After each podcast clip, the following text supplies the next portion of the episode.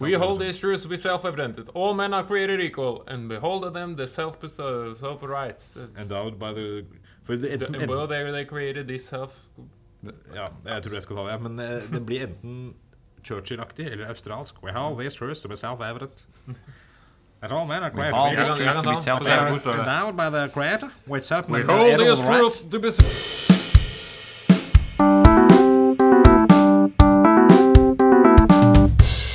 Den gang da. Hei, hei, hei, hei, hei, og velkommen nok en gang til denne fantastiske historiske podcasten Den gang da. Mitt navn er som vanlig Henning Mortensen. I dag så skal vi snakke om America! USA. Landet med de frie og de modige. Eh, Med meg har jeg som vanlig min kompanjong Jørgen Lie. Velkommen. Hei. Takk. Takk for at jeg fikk komme. Går det bra? Eh, ja, det er da du alltid skal svare ja, ikke sant? Det er da du skal svare ja. Ja. Hvis ikke så er det ikke så, Så er Lytterne er nok ikke så interessert i å høre på det hvis det ikke går bra. Nei. Så da sier jeg ja, jeg. Ja. Hva er ditt forhold til eh, US of A? US of A. Jeg tenker jo bare på Rocky, selvfølgelig. Og filmen med bokseren. Ja, Han er den eneste amerikaneren du har som en kulturell referanse? Ja. Ja. Ja, men det er jo en av veldig mange, for min del. Eh, Kanskje den viktigste. Ja, jeg tror de aller fleste har et forhold til USA, nettopp gjennom populærkultur. USA er jo et eh, mektig land, da. Nå blitt.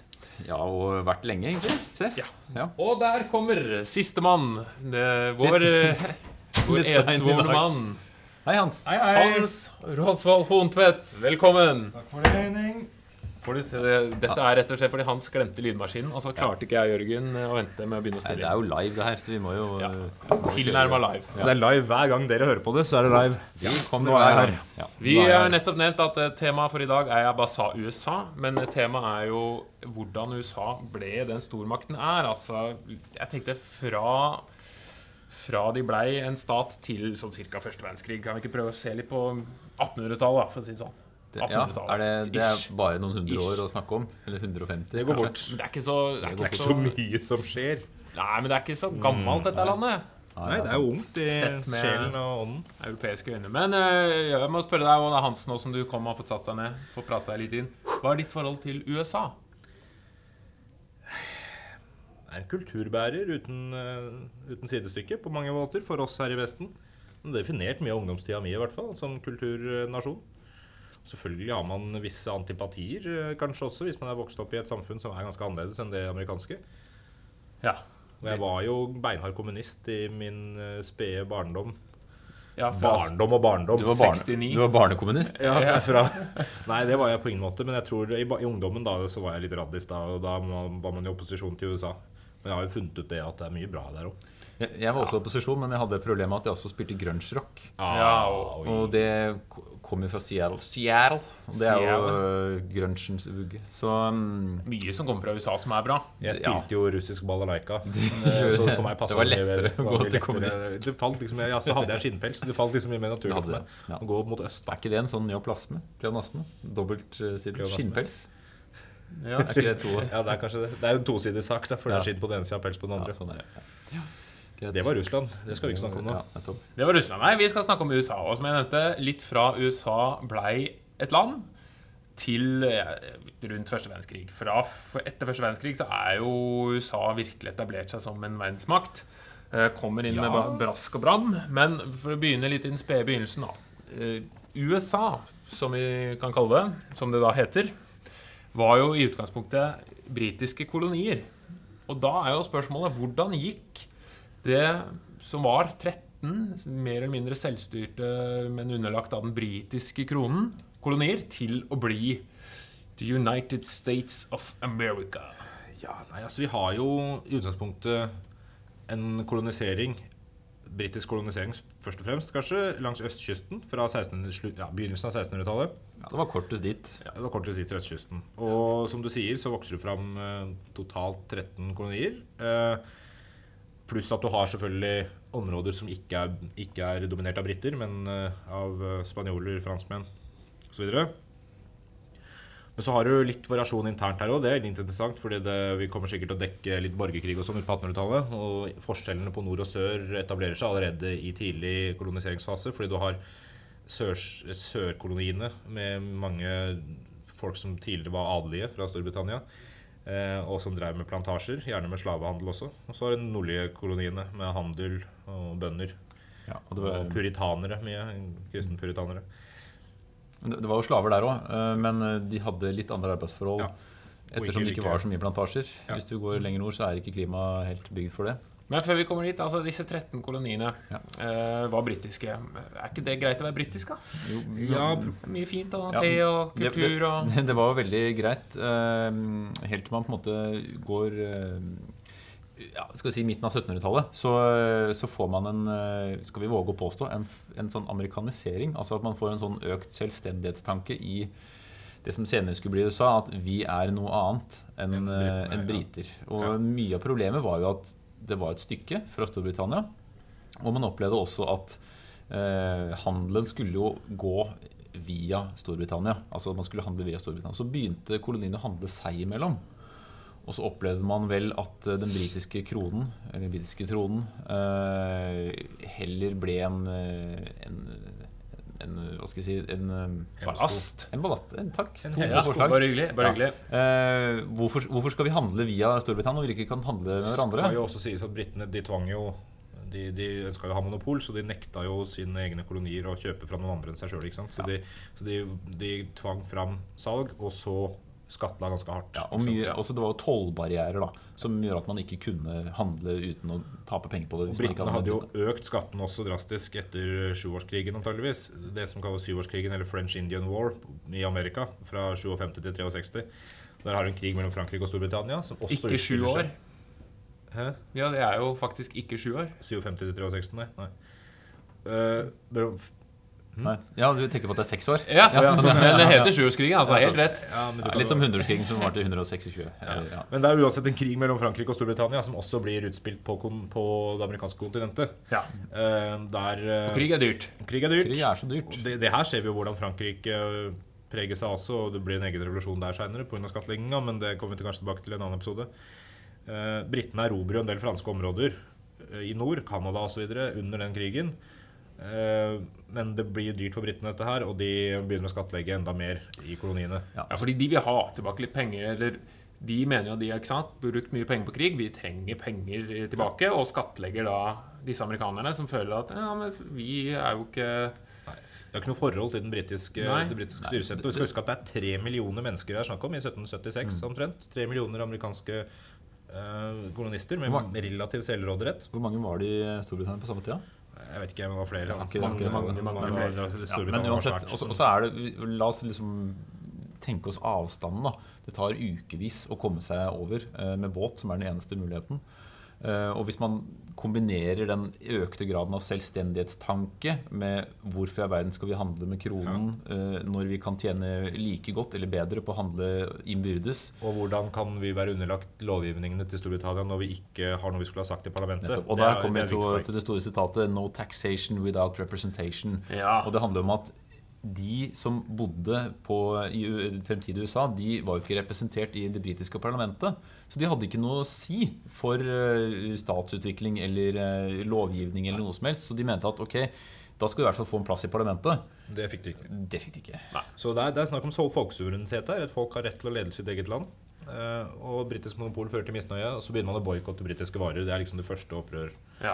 Og det Eller Stamp Act, er ikke det Stamp Act er jo e- en av dem, men det er jo eh, hva skal jeg si, en av de viktigste irritasjonsmomentene. i hvert fall. Ja, for det er jo at man, alt sånn trygt og sånn skal ha et slags stempel på seg, og det koster selvfølgelig penger. Ja, Det er alt avgifter. Ja, og da blir man jo forbanna på de som eh, skriver mye, og det er jo sjeldent lurt. De som bruker mye papirer. Eh, da blir jo de forbanna, og så samler man seg. Og det er jo en slags felles eh, organisering av de 13 koloniene da.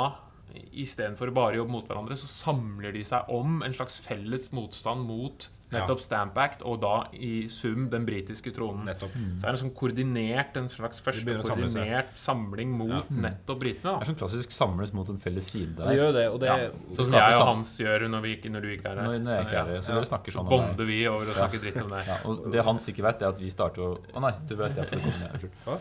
Unnskyld, nei, ikke Ja, Britene ga ofte etter en stund, i hvert fall, men så toppa det seg for dem òg. De begynte å begynte å slutte å gi etter, hvis det går an å si. Så innfører de det som kalles coercive acts i Storbritannia, og fra amerikanernes side intolerable acts. Altså uholdbarlige, uholdbar skatter. ja, Det er Massachusetts blant annet, som er den desidert viktigste kolonien, kanskje, den største og mektigste, mister en del sjø- sjølstyre og historiske rettigheter. Det er her Boston er. Og da kommer vi kanskje fram til et ganske viktig punkt. Ja, Hvis dere husker historieboka fra ungdomsskolen og videregående, så er det jo selvfølgelig Boston Tea Party. 73. 73. 17. 73. ja, Ja, hvor, hvor det er rett og slett en, eh, et resultat av eh, sivil ulydighet. Hvor man, eh, ja, hvor man dumper last, derav te, i sjøen utkledd som indianere for anledningen. eh, Som en slags protest eh, mot eh, skatt. Ja. Og, og det høres jo ut som en litt sånn leken protest, men det, men det handler jo Det ene er symboleffekten. Det andre er at det faktisk er ganske store verdier i T-en. Eh, det, er, det er mye penger som går tapt her. Dette her skaper også en kjedereaksjon. Og man blir redd for de britiske represaliene for dette her. Og så fører det til en del oppstandelse av forskjellige folkehærer i flere av koloniene. Sånn at det, fører til masseoppstand. Da, og at eh, flere folk begynner å mobilisere seg og skape hærer rundt omkring. Så gjennomfører man eh, i forbindelse med det du snakka om, Henning, med samlingene, at man begynner å etablere seg i fellesskap, så har man The First Continental Congress. Det er 5.9. til 26.10. 74, 17, 74. Altså første samlinga der man samler representanter fra de forskjellige koloniene for å ta opp problemer med denne coercive acts, eh, som jeg nevnte i stad.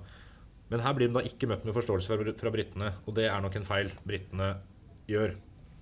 Men her, Dere nevner jo mye her om økonomi og penger og skatter. Men eh, jeg mener jo å ha lest og fått med meg at det er jo litt med sånn øh, opplysningstid og idealen om frihet og individuell tenkning. og Er ikke det, Er det det? viktig her òg? Jo da. Det er noen er frihetstenkere det. som er inspirasjonskilden her. Og No taxation without representation er jo en opplysningsidé. Altså, folke, så suverenitet. folkesuverenitetsprinsippet, øh, at øh, mennesket er all men are created equal, sånne Naturretten. Ja. Altså man har, man har visse rettigheter øh, fra naturens side, mener man da. At man har rett til øh, Ja, hva har man rett til, egentlig? Man har rett til eiendom, man har rett til å bestemme over sitt eget liv osv. Og, så og man eh, skal ikke styres av eh, lover som man ikke sjøl har vært med på å Nei.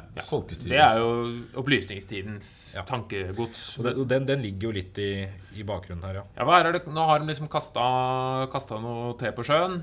Eh, litt redd for hva britene kommer til å si. Britene blir litt forbanna. Ja, Og så blir det krig, da. Ja. Ja. Og den krigen eh, Mange tenker at det er en uavhengighetserklæring, og så blir det krig, men krigen er jo i gang før det. Krigen starter 19.4.1775. Holdt jeg på å si 1975, faktisk, fordi vi har blitt forvirra av bare 75. ja. Så feil kan man Så ta. 19.4.1775 så har du en eh, full krig og opprettelsen av en felles kongress. Eh, Kongressen tar kontroll over de forskjellige hærene rundt omkring og har en felles hær. Setter inn George Washington eh, som eh, general, fordi han er en sabla dyktig type. Commander in chief. Commander in chief, og han blir etter hvert også president, men det er jo ikke før de har blitt et selvstendig land. Og den krigen fortsetter, og den fortsetter, og man jobber fram mot, eller altså gjennom krigen og underveis, så jobber man også med en uavhengighetserklæring. Thomas Jefferson eh, har eh, vært i Europa og får lest seg på opplysningsidealene, og 4.7.1776 så er den klar. Og her har du da de 13 koloniene sør for Canada som erklærer seg uavhengig gjennom denne uavhengighetserklæringa. We hold this truth to be self-evident, Evident. that all men are created equal. That they are endowed by the creator with Og dette her blir australsk med en gang. Endowed by the creator by certain, uh, with certain unalienable rights. That among these are life, liberty and the pursuit of happiness. Det blir en blanding av Dette Churchill her kommer jo ja. virkelig Pursuit of opplysningstiden. happiness! Pursuit of happiness. Her kommer jo opplysningstiden inn. ikke sant? We hold this truth to be self-evident. All men are created equal. Altså Disse er selvinnlysende. Alle Hvem er- menn hvem er er det? skapt like. All menn, ja. Det er vel ikke alle menn. Men, Nei, det er vel eh, menn men de over- fleste menn over en viss alder og en viss eiendomsinntekt. Men de erklærer jo Hvite sitt menn over nye 25 land år. Ja. i frihetens tegn. Det det. Vi skal stå opp fra tyranniet, fra den britiske tredrikkende, skjevtennede, undertrykkende fare. Nå er vi et eget land. Og det er de kaller seg sjøl det fra 76. Britene anerkjenner jo ikke det helt ennå, men de får støtte fra Spania og Frankrike. Ja, ikke britene, altså. Nei, USA. USA. Ja. Og for eh, Frankrike og Spania har jo vært i konflikt med britene i mange år og syns det er kanskje greit å støtte USA isteden. Ja, Så litt de- sånn din fiende er min Altså, fiende-stil. man skal ikke underdrive. Der, eh, jeg får en fellesskapsfølelse av at vi har felles På ingen måte. Og fransk og spansk støtte fører til at, Brit til at USA klarer seg bedre og bedre. Og britisk nederlag og fred kommer da i 1783, og da må britene anerkjenne USA som selvstendig. ja. så, tar, så det er jo på en måte den ekte sjuårskrigen, da. Eh, Nei, åtteårskrigen, da, om du vil. Ja. Ja. Men, eh, men det er jo interessant å se måte et land bli til på et nytt kontinent. Eh, Ja. eh, Gradvis, men sikkert. Eh, Det høres jo fint ut, alt dette, men de er jo ikke enige internt heller. Nei, og det skal man jo se seinere. At eh, ja, Det er viktig å huske på også at dette her er de 13 første statene. Det er en, en liten sånn Stripe på en stripe kysten. på østkysten. Og det er jo det er et enormt kontinent igjen som ikke er kolonisert av den hvite mann. Eh, men uh, som jo vel likevel er uh, Altså Spanjolene har store områder, og den franske kongen har store områder. Uh, Det Luciana, blant annet. Ja, Det kommer vi tilbake til. For det her, spørsmålet er nok at De har jo nå erklært seg eh, 1776 erklært seg selvstendig. Vi er et eget land. Joho. Fred 83. Ja, i, i 1783 så er det Paris uh, ble det skrevet fredserklæring, og så blir det fred, og britene anerkjenner disse 13 koloniene som en selvstendig nasjon. Og så lager man jo en, eh, en eh, lov, Grunnlov. en grunnlov. 1787. 17. ja. september. James, Madison. ja, som skriver den, og er egentlig ganske radikal sånn Den er ganske for radikal, den er jo det. Men, men allerede her ser du jo stridsspørsmålene i amerikansk politikk dukke opp. Fordi det er uenighet om man skal ha en konføderasjon eller en føderasjon. Altså om man skal ha en haug med stater som er veldig uavhengige, eller om man skal ha en føderasjon der du har en sentralmyndighet som kontrollerer statene. Det ender jo opp som en føderal republikk, da. Man velger George Washington som president. Men man har likevel en ganske stor frihet i de individuelle statene. Ja, for det, det er jo litt sånn i forhold til norsk eh, altså Buskerud har jo, og Akershus er jo i en viss grad noe de styrer selv, men statene i USA har jo ganske mye mer selvråderett enn det fylkene i Norge har, da, Ja. for å si det sånn. Nettopp. Og du ser jo Det er kanskje bedre å sammenligne med dagens Europa, hvis man skal si at Europa er et slags samlepunkt. Ja, EU, EU, da. EU, Ja. som om at Det statene har en stor grad av selvstendighet, men de er stadig pålagt EU-direktiver. da. Er du, Du kaller det United States of America. Det, det, bare navnet tilsier jo at det er en samling av stater, og ikke bare ett land. Uh, men du, du har helt fra starten av ideen om checks and balances, altså at du skal balansere ut makta til statene med makta til sentralmyndighetene og sånn. Og det er uenigheter fordi for, altså folk i sørstatene ønsker nok delvis mer statlig eh, frihet. Nordstaten Nordstatene er i større grad prega av en idé om at det er sunt med, med kontroll fra sentralmyndighetene. Og vi ser at konfliktene her begynner å trappe seg opp også. Men hvis vi går nå, disse 13 statene, det er jo fryd og gammen, men hvordan går det fra å være 13 til å bli 50?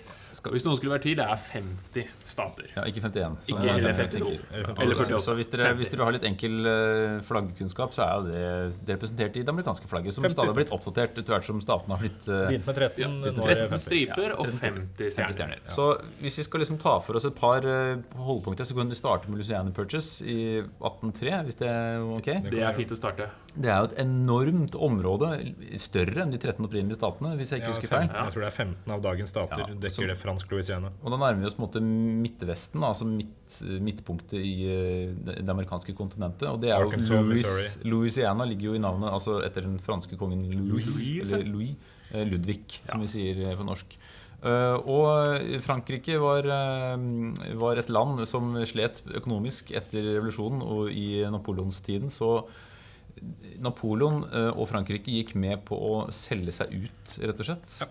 Så de solgte Louisiana-distriktet til de amerikanske statene. Ja. Eh, og og ja, eh, det, det finnes noe tall på hvor mye de betalte. Jeg lurer på om det var eh, Jeg har det her. Du har, du har tallet, ja? Ja, 11, 11 250 000 dollar. I dagens valuta 237 millioner dollar. Det er Ja. eh, Og, Veldig lite Ja, og i jeg- forhold til land. 20 dollar per, per acre eller noe sånt. Det er ikke veldig mye. nei.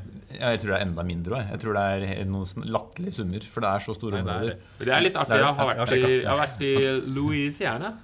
Eh, Og den French Quarter New Orleans, jeg vet ikke om noen kjenner til det, men det er jo tydelig mer sånn franskinspirert eh, kultur, da.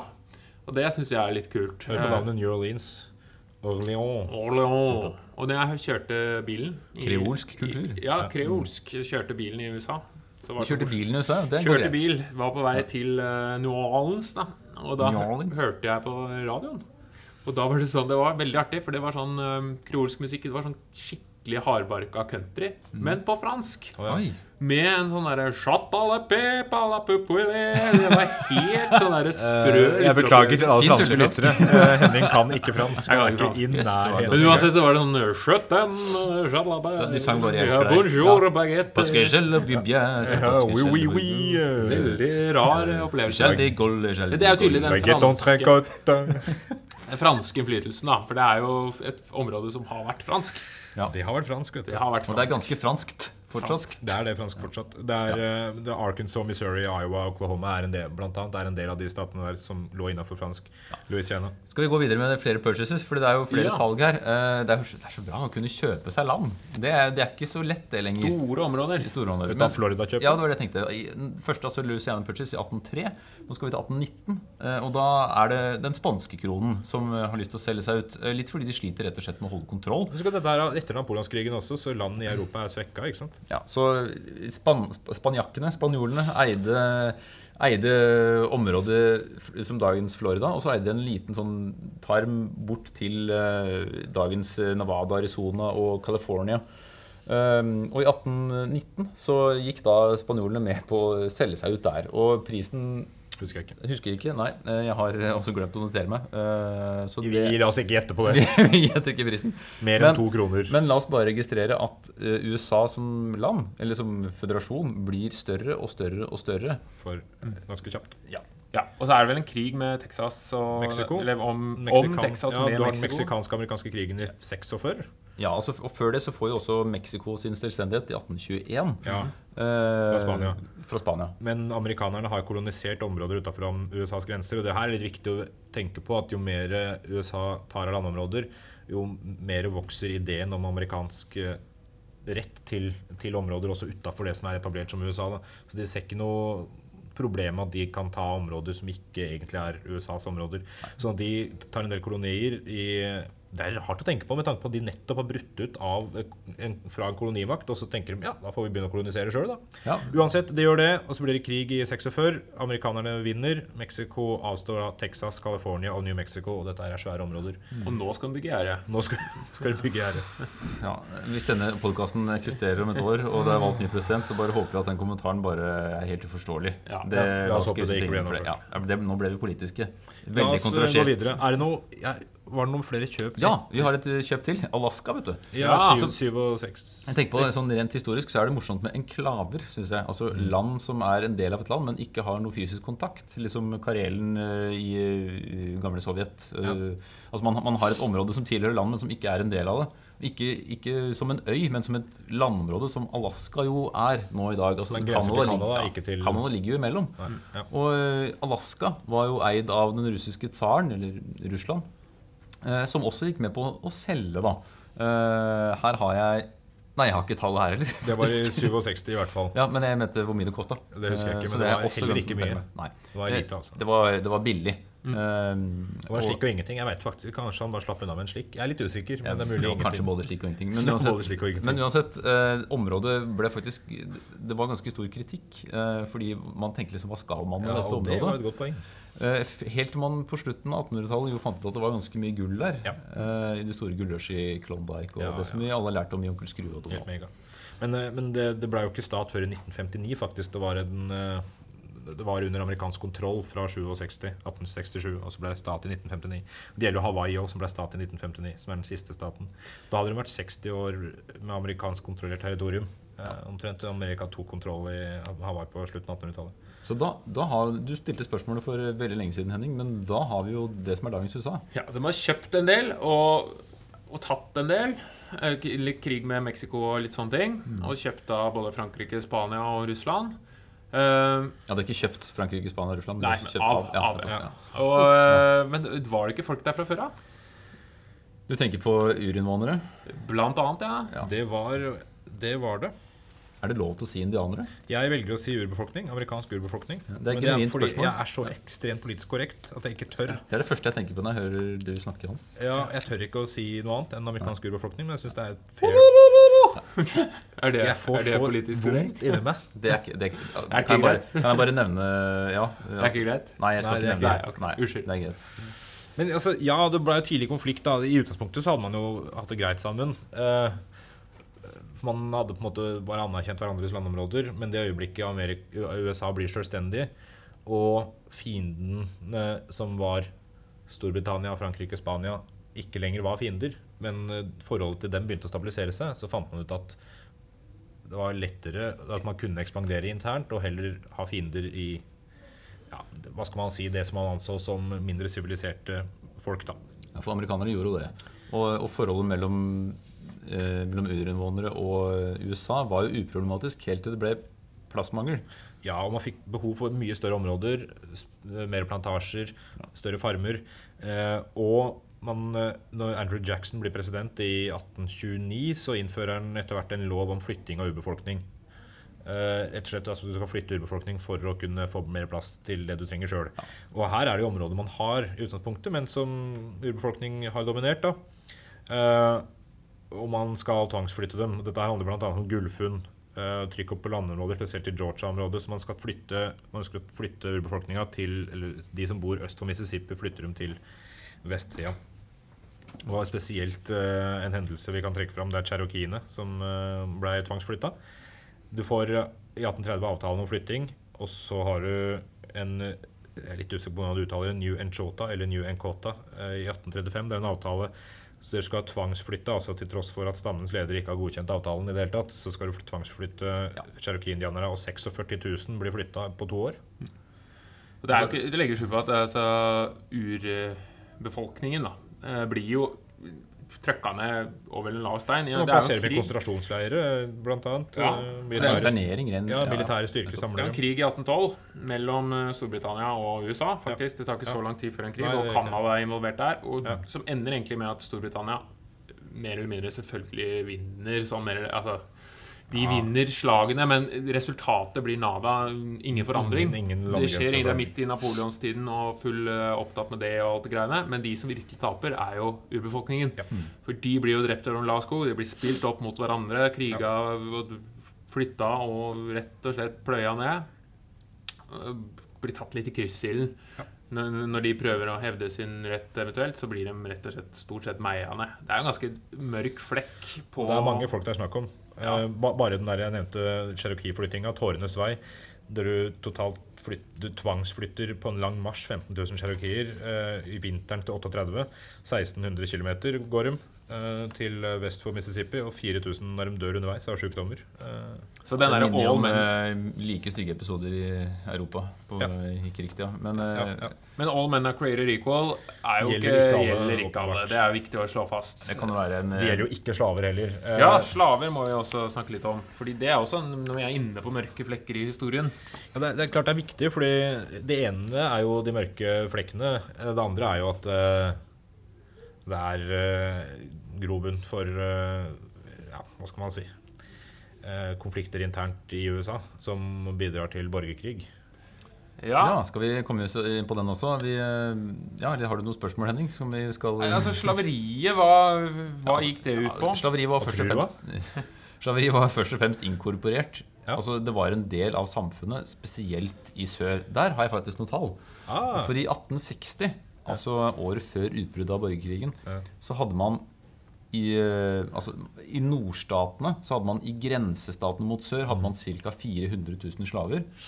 I sørstaten hadde man 3,5 millioner. Og som et samla folketall til sammenligning så hadde man ca. 21 millioner i nord og 9 millioner i sør. Ja. Så det er altså om, over hver tredje person i sør er slave.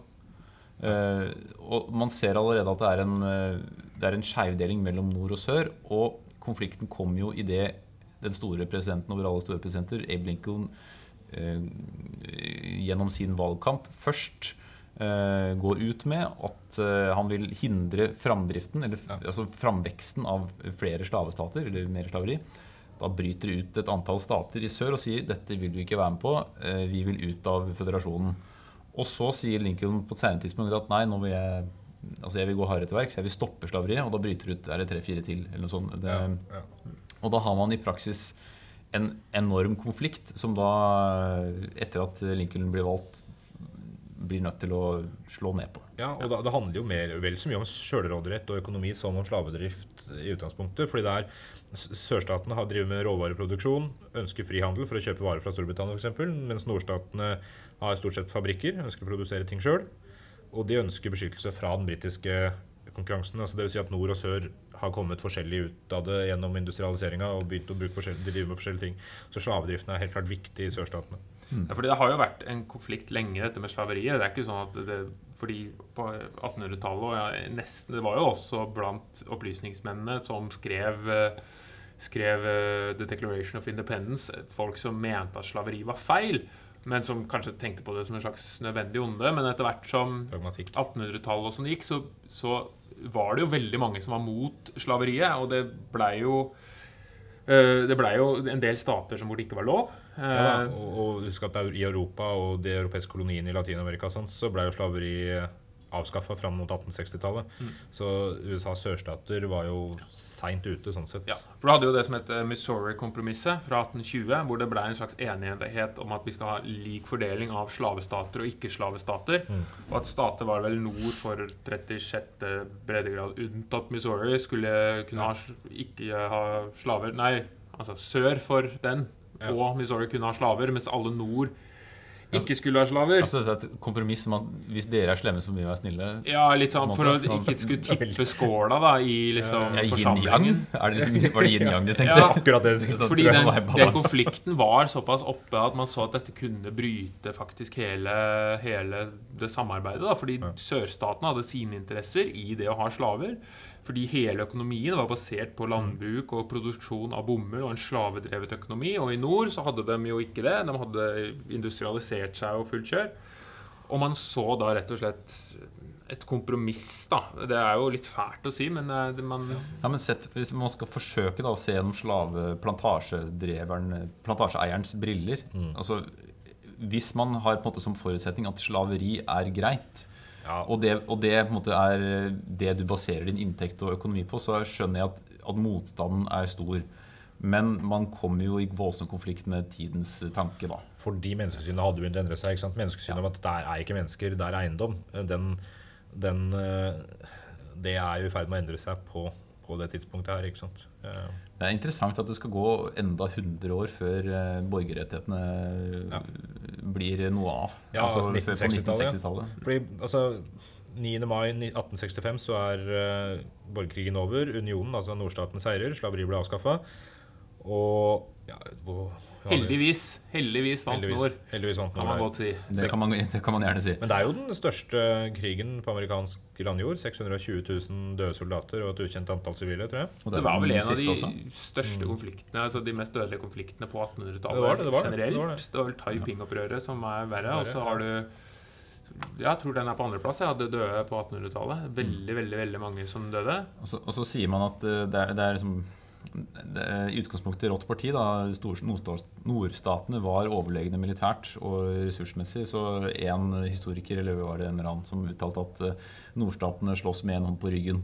At eh, hvis det hadde vært eh, tøffere for oss, så hadde de trådt til med to hender og knust dem raskere. Men de satsa på mer utmattelseskriger og Ja, Og det var kanskje lettere å oppildne i sørstatene, fordi det, for det hadde jo vokst en slags sør, hva skal jeg si, sørstatisk nasjonalisme. Helt klart. I større grad eh, fordi nordstatene jobbet for å beholde eh, føderasjonen, beholde staten. Og da beholde nettopp de som prøver å slå seg ut. Mens, ja. og Ja, da, ikke sant, kampviljen er kanskje sterkere mm. blant sørstatene som ser det som at de kjemper for sin frihet, da. Men eh, helt klart i historiens lys kjemper på feil side når det gjelder slaveri og, Ja, og jeg vet ikke om jeg skal trekke linja for langt, men, men det er jo fortsatt eh, noe som eksisterer. Altså Mm. den, Hvis man ser sørstatsflagget, så vet man at det har visse symbolverdier. da eh, Som ikke jeg forbinder med så mye positivt. Nei, nei, eh, men som er utbredt i visse kulturer. Ja. I hvert fall i mitt fylke, Østfold. Der er det Ja. ganske utbredt. uh, ofte i bakvinduet på en bil. Uh, ja, Ja. Dukes of Hazard. Nei, jeg tror ikke noe, ja, ja, Dukes of Hazzard. Det er ikke Ja. General Lee, den der bilen deres fra, jo, som er jo sørstatsgeneralen. Robert, ja, Robert Lee det. Ja, Så det er jo ikke helt Men Ja. det er jo positive ting òg. Altså, etter dette her så vokser jo Amerika seg sterkt. Fordi altså, USA da, de får jo samling etter borgerkrigen og en kraftig økonomisk vekst. Fordi nå kan de konsentrere seg om ytre fiender. Bortsett fra sørstatsplantasjeeierne. De går det vel dårlig med en De liten går periode. dårlig med en periode der. Etter De blir vel nærmest ruinert. Eh, litt sånn det har de bare gått på, tenker jeg. Men det er Ja, vanskelig å ha sympati sånn, i hvert fall når vi sitter her i et et flott lite studio med mikrofonen. Ja. Altså, Hvorfor skal vi eh, Ja.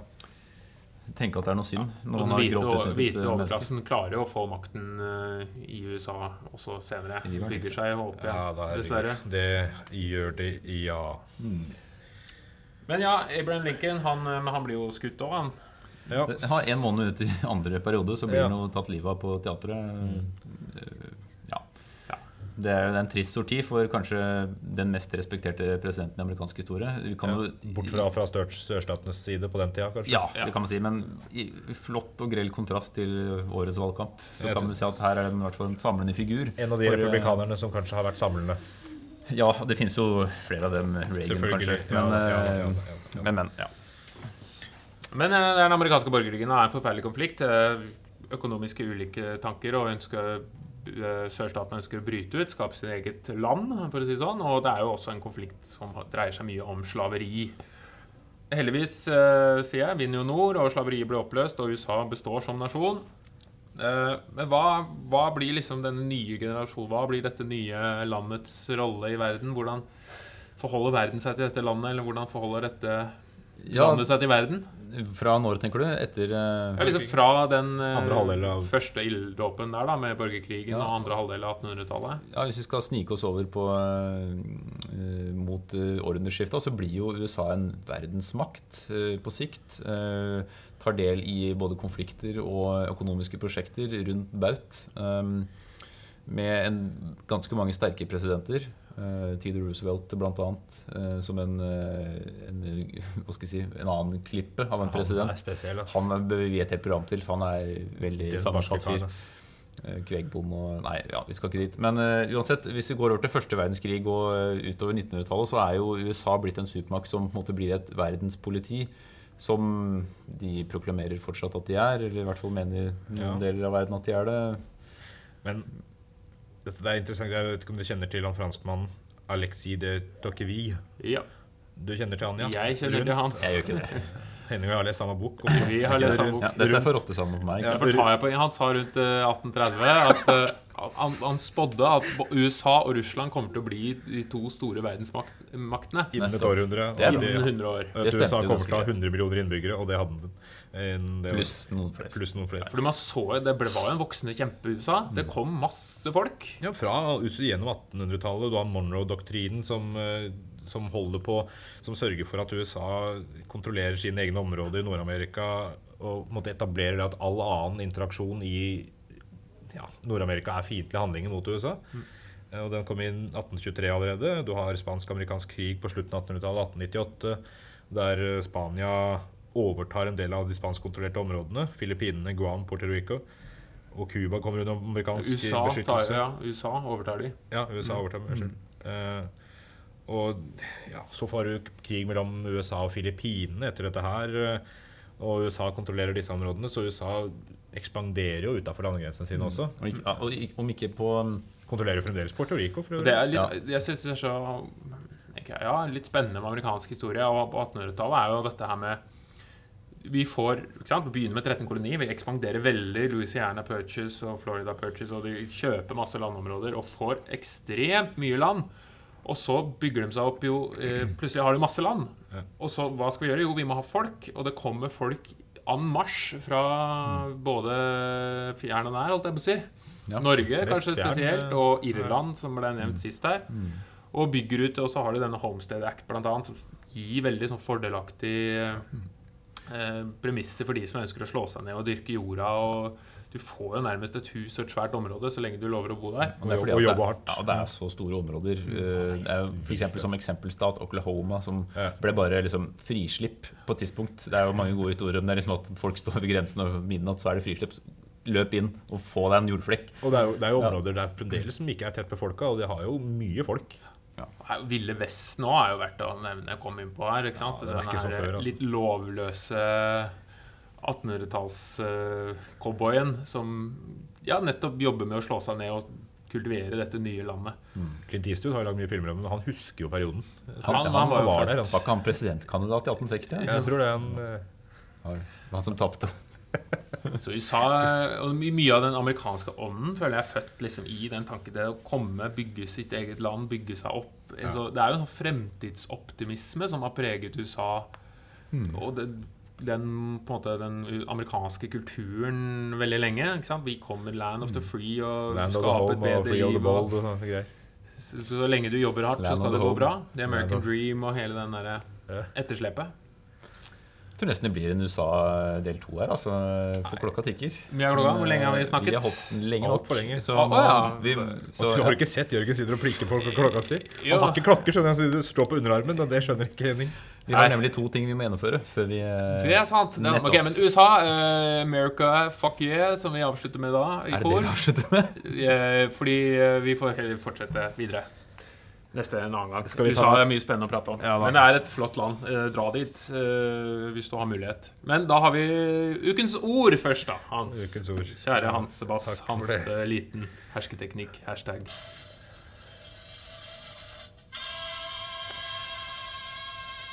Jeg håper dette her ikke er feil. Jeg håper dere der ute som kjenner til forskjellige uramerikanske språk, kan arrestere meg, men jeg har funnet en side med relativt sett moderne uramerikansk slang.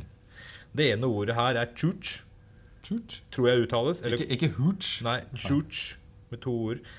Som betyr umoden mann som oppfører seg som en idiot. Er ikke det to sider av samme sak? Ja, kanskje. Eller så har du det litt mer kreative TP Creeper, eh, som er en rundbrenner. Altså en kar som beveger seg rundt. At de får, ja. Sniker rundt i tipiene. Uh, og jeg veit ikke altså, om det er innafor. Hvor, har du funnet dette? Er det, det er en nettside, det er en nettside, ja. ja det var veldig Hvis det står på internett, så må det være sant. Ja, jeg sant. håper, ja, men altså, jeg håper det her er ord som faktisk er i bruk, og at det ikke er sånn uh, stereotyp framstilling. For det er, det, det, det er ikke det jeg prøver på her. Nei, det driver vi ikke med. Nei. er ikke det. Ja, men det var bra, bra Hans. Eh, Så typisk amerikanere driver med sånn stereotyper. Holdt deg, holdt deg i tematikken. Det er imponerende. Det kunne jo vært et eskimoord òg, men det passer jo, ikke, det passer jo for så vidt, det òg, da. Men. Syns det var bra. Veldig bra. Ja, nå, Cooper. Yes. Da er det tid for deg, eh, Hans. ha, ha. Jørgen, Jørgen men jeg jeg. beklager. Ja. Ukens gærning. Jeg liker at det er samme jingle på de to spaltene. Ja, ja. Jingle nå, ja, nå skulle jeg selvfølgelig eh, hatt datahardt uh, ukas gærning i amerikansk forstand, f.eks. For Donald Trump eller noe sånt, men jeg har valgt en gammel keiser. Nero. Kjenner dere Nero? Nero, ja, ja, ja. Nero, ja. Eh, Keiser i Roma eh, mellom 54 og eh, 68. Jeg skal ikke dra ut dette, men la oss bare si at han er kjent for eh, sin gale-Mathias, og at han kanskje var en bedre skuespiller enn keiser. Ifølge han selv, i hvert fall. Eh, åpna relativt eh, lovende som president. Han hadde en gæren mor som drev og konspirerte og forsøkte å drepe alle kompaner og allierte både før og etter at han ble keiser. Eh, som endte med at Nero tok livet av henne sjøl til slutt. Eh, etter dette så ble Nero mer gal og uh, gale-Mathias. Eh, eh, blant annet i 64 Vi må selvfølgelig komme inn på det som det viktigste, hvor Roma brant. Og mange historikere samtidig og senere historikere mente at Nero satte fyr på byen sjøl for at han skulle få plass til palasset sitt. Hvordan ellers skal du få plass til et palass? Nei, ikke sant. Og det er også beskrivelse at han satt og spilte lyre, altså et lite strengeinstrument, mens Roma brant. Eh, Etter at Roma brant, eh, mye fæle ting som skjedde, så trengte han en syndebukk. Eh, Blant mange så valgte han seg ut de kristne. Eh, Og det er en uh, historie som uh, går at han, han langs Via Appia, altså den store veien inn til Roma, så stilte han opp de kristne på påler og satte fyr på dem. Som fakler, levende fakler. Eh, uttalte også senere at han var skuffa over at de fikk såpass mye sympati. Han hadde regna med at han skulle få sympati. Ja, nettopp. Ja. Så eh, Nero, en hyggelig kar der altså, eh, så på seg selv altså som en stor skuespiller og brukte stadig mer tid eh, på å eh, spille og synge. Eh, enn å drive Roma stat. Uh, tok uh, til slutt faktisk livet sitt. Han ble ut ut, mer eller mindre, og uttalte i sin siste ord at nå har verden virkelig gått glipp av en stor poet. Eller noe sånt. Ja. Han er, Nero er jo erkeeksempelet på enemakt gone wrong. Yes. Så flott fyr, altså. Ja. Da lar vi det være et eksempel og etterfølge. Nei, kanskje ikke, men uansett. Du tenker på valgkampen? Eh, Skryt over det. ja. vi sier eh, takk for nå. Vi håper dere har hatt en fin sending. Så ses vi om ikke høres vi om ikke så altfor lenge. Ha det bra!